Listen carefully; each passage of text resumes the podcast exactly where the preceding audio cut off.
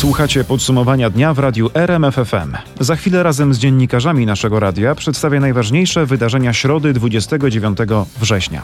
To m.in. przekroczenie poziomu tysiąca nowych zakażeń koronawirusem. Michał Gardias, dobry wieczór, zapraszam. Zaczynamy od ważnych liczb. Ministerstwo Zdrowia przedstawiło w środę raport, w którym znalazły się 1234 nowe przypadki zakażenia koronawirusem. To najwięcej od maja. Michał Zieliński i Michał Dobrołowicz rozmawiali o tym w radiu RMF24. Nasz reporter był przed siedzibą resortu zdrowia. Dzisiaj ta granica tysiąca zakażeń została przekroczona, bo mamy środę, mówiąc wprost, i zwykle w połowie tygodnia wszystkie współczynniki epidemiczne są wyższe, bo spływają po weekendowych opóźnieniach dane dopiero teraz z jednostek sanitarnych. Ten tysiąc oczywiście potwierdza rozpędzającą się czwartą falę. Potwierdza to po raz kolejny trend rosnący, który mamy od początku września, od tego czasu powakacyjnego. Ale co to dla nas oznacza, dla nas mieszkańców różnych regionów Polski? Oto kilka chwil temu zapytałem właśnie wspomnianego przez Ciebie rzecznika resortu zdrowia, Wojciecha Andrusiewicza.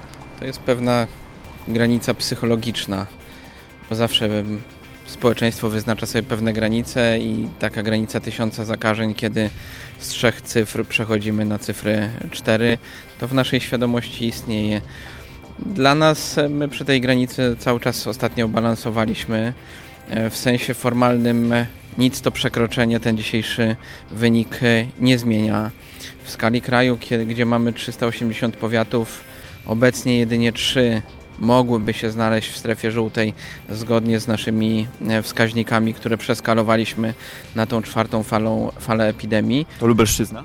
Lubelszczyzna to są e, powiaty łęczyński, lubelski i janowski. Obostrzeń w tych trzech powiatach na Lubelszczyźnie przynajmniej na razie nie będzie. To są trzy powiaty na dokładnie 380 w całej Polsce. Resort Zdrowia i jego rzecznik tutaj potwierdzają cały czas, że robią wszystko i ta aktualna strategia zmierza ku temu, żeby obostrzeń nie było jak najdłużej, a najlepiej, żeby ich zaostrzenia nie było wcale. To będzie zależeć od tego, jak będzie dalej ta sytuacja covidowa się rozwijać. Jakie są prognozy na te nadchodzące dni?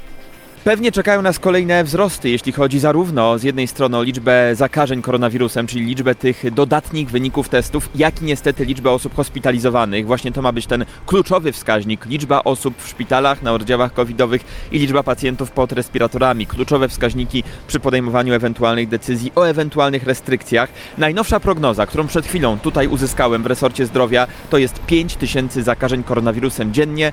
Od razu pytanie kiedy? Za niecały miesiąc, pod koniec października tak może być na przełomie października i listopada, przed tym listopadowym weekendem, to jest y, realny, ani nie pesymistyczny, ani nie optymistyczny, po prostu realistyczny scenariusz, y, który w tej chwili tutaj kreśli resort zdrowia. Oczywiście, gdyby ten model się sprawdził, to otworzyłoby jeszcze szerzej dyskusję na temat obostrzeń. Tutaj cały czas słyszę, że ten najbardziej prawdopodobny scenariusz to jest podział Polski znów na trzy strefy: zieloną, żółtą i czerwoną. No i w kolejnych powiatach różnego rodzaju obostrzenia. No, na razie lekarze cały czas mówią, że jeśli nie chcemy obostrzeń, to powinniśmy stosować się do tych, które są teraz. Nasze radio RMF24. Tam jeszcze więcej informacji.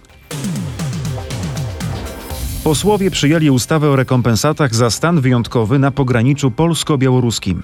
Na odszkodowania będzie mogła liczyć jednak głównie branża turystyczna, bo Sejm odrzucił większość propozycji zgłaszanych przez opozycję w Senacie.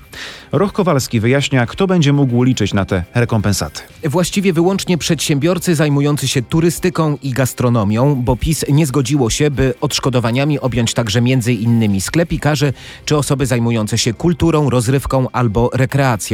Nie zmieni się także wysokość rekompensat, pozostanie na zaproponowanym przez rząd poziomie 65% średniego przychodu z trzech ostatnich miesięcy. I drugie bardzo ważne pytanie, co z przedłużeniem stanu wyjątkowego? Decyzja zapadnie dopiero jutro wieczorem, bo najpierw posłowie musieli ustalić zasady głosowania.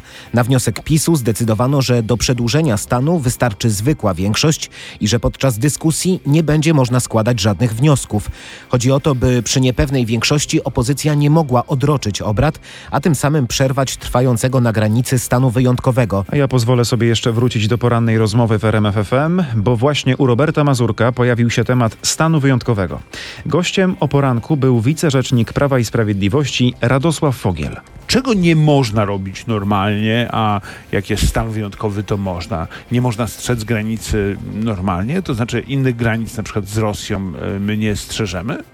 Teraz? E, Nie? No strzeżemy, ale... e, A tam nie ma stanu wyjątkowego na granicy Mhm. z Rosją. A, ale są też pewne inne różnice. Jedna taka zasadnicza na Ja przykład. wiem, że Rosja jest na północy, a Białoruś No to dwie, to dwie. To Mhm. jedna, bardzo słusznie, a druga jest taka, że no, z Rosji jednak e, bezpośrednio nie wysyłają nam tysięcy e, migrantów, których e, ściągają z e, Afryki, z Iraku i tak dalej. W związku z czym pod, przy normalnej granicy panują warunki normalne. W sytuacji wzmożonego ataku na granicy białoruskiej niezbędny jest stan nadzwyczajny. A dlaczego jest, nie- ale to znaczy, zaraz, myśli pan, że za 60 dni Białorusinom się znudzi?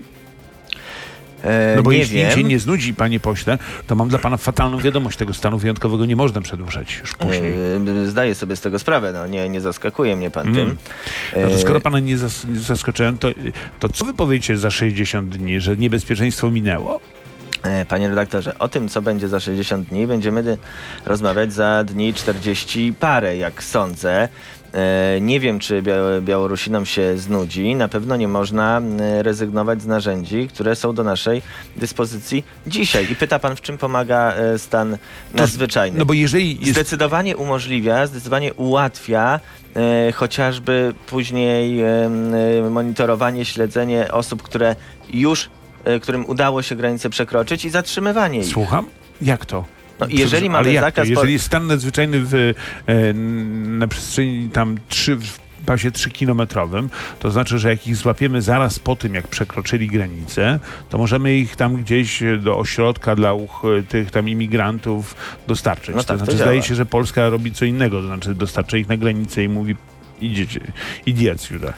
No, y, te 1200 osób, o których była mowa na konferencji, o której wspominaliśmy wcześniej, jest y, w ośrodkach y, tymczasowych, y, ponieważ zostali właśnie zatrzymani na terenie Polski. No, nikt ich nigdzie nie wysyłał, tylko Czy Polska wyrzuca za granicę tych, którzy którym się udało polską granicę przekroczyć?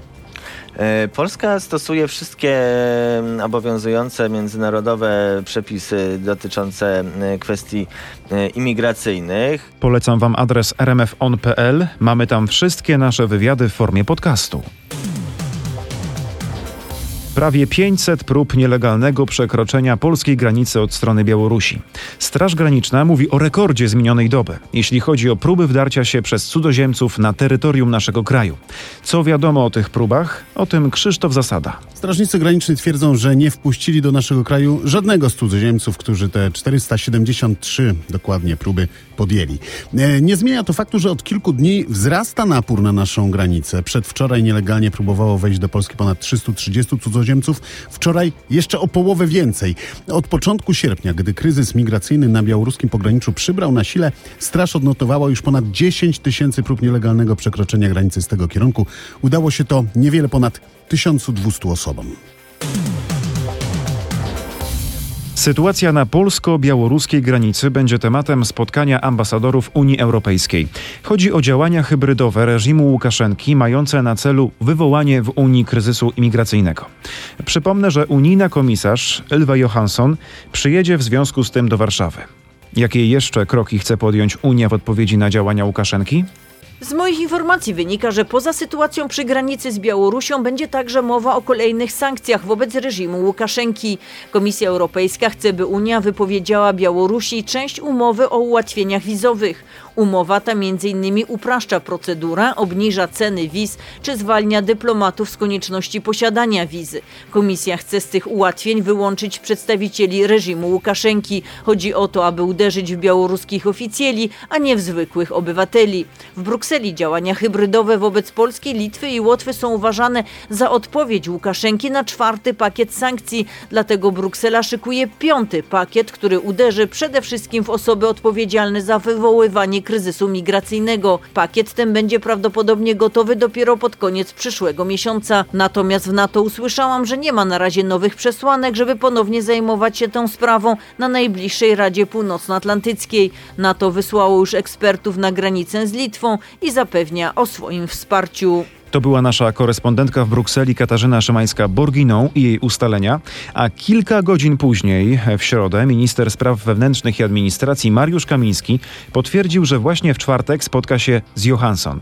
Co jeszcze wiemy o tym spotkaniu? Posłuchajcie Mariusza Piekarskiego. Do spotkania dojdzie późno po południu w Warszawie, choć unijna komisarz sygnalizowała, że chciałaby się osobiście zapoznać z sytuacją na granicy z Białorusią. Nic na to jednak nie wskazuje, by polski rząd i minister Kamiński chcieli spełnić to oczekiwanie, by w planach była wizytacja w strefie objętej stanem wyjątkowym. Zanosi się raczej na kurtuazyjne spotkanie za zamkniętymi drzwiami. Służby MSWiA już zastrzegają, że nie jest planowana konferencja, a po rozmowie ministra Kamińskiego z komisarz Johansson zapewne padnie pytanie o wsparcie Frontexu i zapewne padnie odpowiedź, że radzimy sobie sami. Choć wczoraj padł rekord, Straż Graniczna odnotowała pół tysiąca prób przedostania się migrantów do Polski z Białorusi. Te dane na pewno padną też w debacie o przedłużeniu stanu wyjątkowego. Ta debata i decyzja Sejmu też jutro wieczorem. Z Sejmu Mariusz Piekarski. Na naszej antenie oczywiście wszystkie szczegóły od razu. Słuchajcie RMFFM i RMF24. A teraz Polski Ład to kolejny punkt tego podsumowania dnia. Trwają gorączkowe sejmowe prace, bo posłowie chcą się uwinąć z tym projektem jeszcze w tym tygodniu. W ciągu dnia pojawiła się informacja o kolejnej zmianie w Polskim Ładzie. Krzysztof Berenda wyjaśni najlepiej.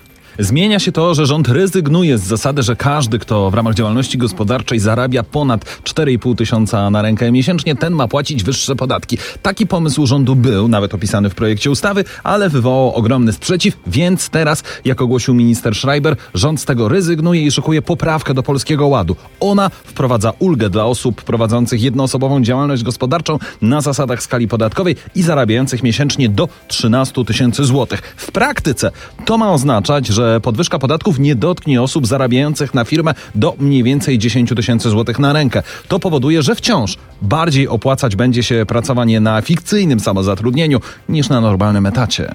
W środę wieczorem Sejm rozpoczął posiedzenie, w którym, jak już wcześniej mówiłem, przyjął na przykład rekompensaty, no ale w trakcie obrad dyskutowano też właśnie o Polskim Ładzie.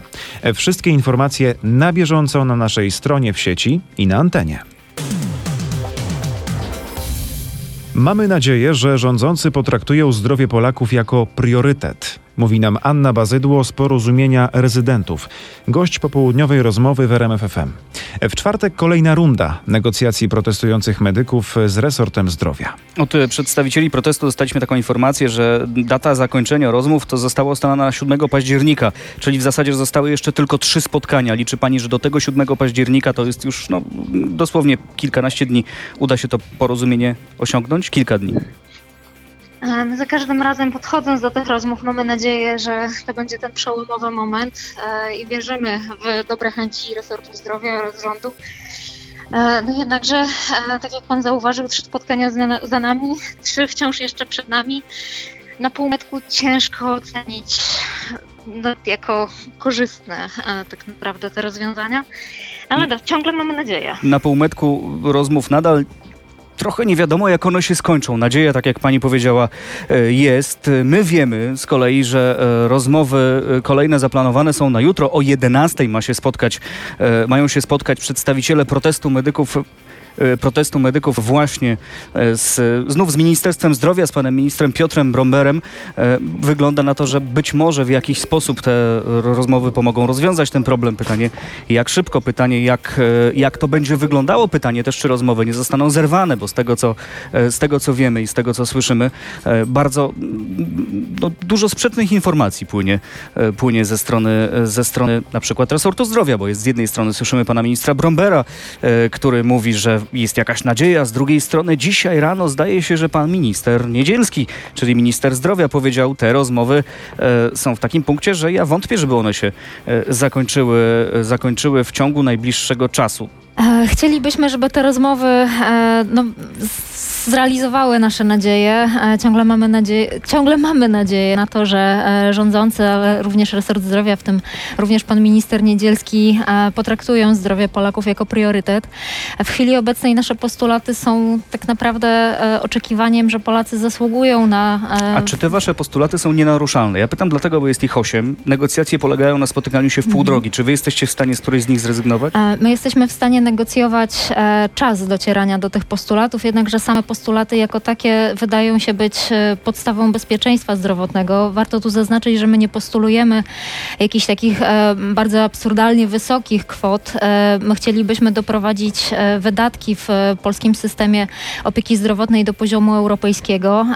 Warto tu zwrócić uwagę na to, że mamy na myśli odniesienie bezpośrednio do naszego PKB.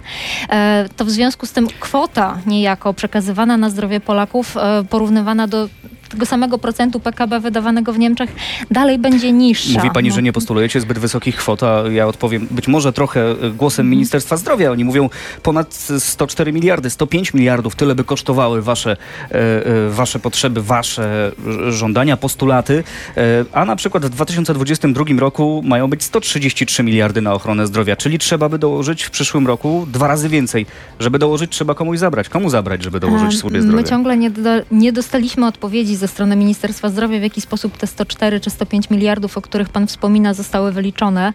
E, A macie swoje nam się, wyliczenia? E, mamy swoje wyliczenia i Jak one wyglądają? póki co wydaje nam się, że niestety chociażby sama kwestia e, pensji, która przez Ministerstwo Zdrowia została oszacowana na 65 milionów, zakłada, że w tym momencie nie zarabiamy nic. W związku z czym no, one wydają się być po prostu no, no nierealne. Czyli, przepraszam, Ministerstwo Zdrowia nie doszacowało czy przeszacowało Wydaje te nam się, że? Ministerstwo Zdrowia przeszacowało i w dodatku nie dzieli się z nami danymi, na podstawie których zostały obliczone te, e, te wszystkie założenia. Cała rozmowa Pawła Balinowskiego jest na rmf24.pl. A teraz informacja dla kierowców. E, System poboru opłat Viatol odchodzi do lamusa. Zastąpi go Etol, a kto się jeszcze nie zarejestrował i niech zrobi to szybko, bo można słono zapłacić. Ale jak zaznacza nasz reporter Maciej Sztykiel, z nowym systemem są problemy. Jest ich mnóstwo. Są problemy z rejestracją, systemem online, a także dostępnością urządzeń OBU i ZSL. To one za pomocą GPS mają naliczać opłaty. W tej sprawie zadzwonił dziś do nas pan Radosław, kierowca autobusu. Nie ma gdzie kupić tego urządzenia, obór lub ZSL. Ja zamówiłem już urządzenia na początku sierpnia i się okazało, że opóźniona jest dostawa, ponieważ no nie ma fizycznie tych urządzeń, tak? Nie, nie ma komu wyprodukować. No i teraz wie pan, y, system kar bardzo dobrze jest dopracowany. To półtora tysiąca złotych za każdy nieopłacony przejazd drogami. Inni przewoźnicy, jak nasz słuchacz Daniel, przeszedł te kroki, ma urządzenie, ale nie może go zalogować do systemu ETOL. Wielokrotnie już dzwoniłem, zgłaszałem problemy do na dział obsługi Etola. Pan mi powiedział, że muszę omijać drogi płatne. Ja mówię, jak można omijać drogi płatne, jeżeli to jest autobus, z grupą dzieci się jedzie, to niech pan nie jedzie w ogóle. Albo płaci kary. Przewoźnicy grożą, że sprawy skończą się w sądzie, bo oni płacić chcą, ale nie mają jak. Kierowcy macie coraz mniej czasu.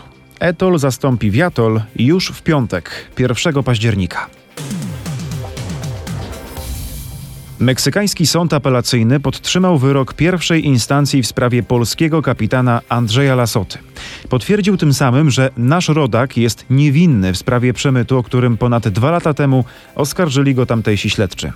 Sprawą od początku zajmuje się nasz reporter Mateusz Chłystun. Od wyroku sądu pierwszej instancji odwołali się prokuratorzy, którzy oskarżali naszego rodaka o wprowadzenie na terytorium Meksyku znacznej ilości narkotyków. Śledczy usiłowali ponownie udowodnić swoją stawianą od początku procesu tezę, mimo braku konkretnych dowodów i bardzo skutecznej linii obrony, jaką podczas procesu przedstawił polski kapitan. W jego sprawie wiosną przed meksykańskim sądem zeznawali m.in. biegli z zakresu międzynarodowego prawa morskiego, którzy nie mieli wątpliwości co do tego, że dowodzący masowcem UBC Savannah zachował się w pełni zgodnie z procedurą. Sąd apelacyjny, który rozpatrywał odwołanie oskarżycieli publicznych, potwierdził jednak, że kapitan Andrzej Lasota jest niewinny przemytu, został o niego niesłusznie oskarżony i niesłusznie spędził ponad półtora roku w areszcie i więzieniu. Zdecydowanie bardziej skomplikowane są losy statku, którym dowodził nasz rodak. Ten wciąż formalnie jest skonfiskowany jako narzędzie przestępstwa. Podsumowaniu dnia przenosimy się do Wielkiej Brytanii, gdzie trwa kryzys paliwowy. Z powodu braku kierowców na stacjach brakuje benzyny, a to wszystko sprawia też, że życie Polaków mieszkających na wyspach jest trudniejsze.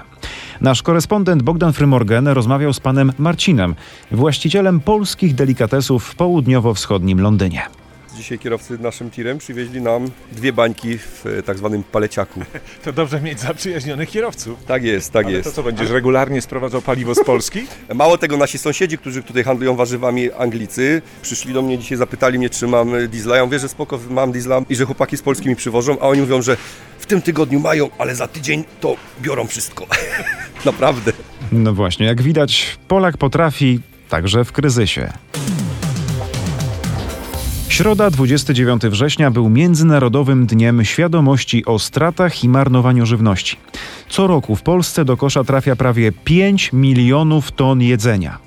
O problemie, o tym jak z marnowaniem żywności walczyć, Maciej Sztykiel rozmawiał z edukatorką i propagatorką kuchni Zero Waste Jagną Niedzielską. Okej, my mówimy bardzo dużo o mm, ekologii, ekologii kulinarnej, o tym, że marnowanie żywności to jest coś, co jest niedobre dla naszej planety, ale pamiętajmy też o tym, że to są nasze pieniądze i to się po prostu nie opłaca. To jest pieniądz wyrzucony do kosza na śmieci, złotóweczka, 10 zł. Czasami nie widzimy tego, że wyrzucamy. Chyba nawet na, w, w ogóle od tego powinniśmy rozpocząć całą naszą drogę z e, kulinariami, kuchnią Zero Waste, czyli monitorowanie. Ja wiem, wiem, to jest mało seksowne e, słowo, więc ja bym raczej e, tutaj użyła słowa podglądanie. Czyli musimy się podglądać, czyli zaglądać do lodówki, podglądać szafki kuchenne, podglądać to, jak się zachowujemy podczas gotowania. Więc wybierzmy na przykład trzy dni, mm, e, raz na trzy miesiące i zapisujmy na kartce papieru to, co wyrzucamy. I może się okazać, że naprawdę wyrzucamy wiele rzeczy, których nie powinniśmy wyrzucać. Jak jest pleśń na przykład na warzywach i owocach, to jest czy nie jest? Nie jeść. Wyrzucamy, moi drodzy, w całości. Musimy też uważać na to, że ta pleśń może wyglądać różnie. To nie tylko jest puszek, okruszek, ale również może być to czarne przebarwienie. Nazywa się to patuliną. Ziemniak na przykład wypuszcza te swoje pędy takie, to on jest zdatny do jedzenia czy nie? Wiele osób się pokłóciło o ziemniaka, e, bo były różne opinie. Natomiast e, co do zasady, taki, kiełku, taki kiełkujący ziemniak jest nadal jadalny. Wystarczy to kłącze wyciągnąć, wyciąć i ugotować ziemniaka. A jak pomidor robić taki miękki, już nieapetyczny? To wtedy jest właśnie najfajniejszy, bo ma pomarszczoną skórkę, jest słodszy, fajniejszy i absolutnie wszystkie te warzywa, które są nieidealne, powinniśmy je kupować. One często są na przecenach, a na razie badania mówią o tym, że ponad 50% Polaków nie lubi sięgać po brzydkie warzywa i owoce. Zupełnie tego nie rozumiem. Czym się różni najlepiej spożyć do i najlepiej spożyć przed? Najlepiej spożyć przed to jest termin, po którym dalej e, dany produkt może być e, zjedzony, wykorzystany, może stracić pewne swoje właściwości, na przykład intensywny zapach albo może mieć bledszy kolor, ale jeżeli jest to wszystko dobrze przechowywane, to w dalszym ciągu może być użyte. I druga data, czyli należy spożyć do, to jest termin e, graniczny, e, po którym taki produkt nie może nam być sprzedany, ale czy to oznacza, jeżeli już jest u nas w domu, że jest magiczna wróżka, która nagle wyląduje na tym produkcie i sprawi, że o północy ten produkt będzie zepsuty? No nie. I tutaj jednak bym wróciła do korzeni, czyli spróbujmy, powąchajmy e, i sprawdźmy, czy na pewno jest zepsuty. I warto zadbać o swój portfel, a jednocześnie o planetę. To chyba dwa bardzo mocne argumenty. A jeśli pomyślimy, ile osób umiera z głodu, ile jest niedożywionych, hmm, według raportu Oxfam co minutę na świecie z głodu umiera 11 osób. No to potrafi chyba otworzyć nam oczy. Tym kończymy podsumowanie dnia w RMFFM. Bardzo dziękuję za uwagę, życzę dobrej nocy, a my słyszymy się już jutro.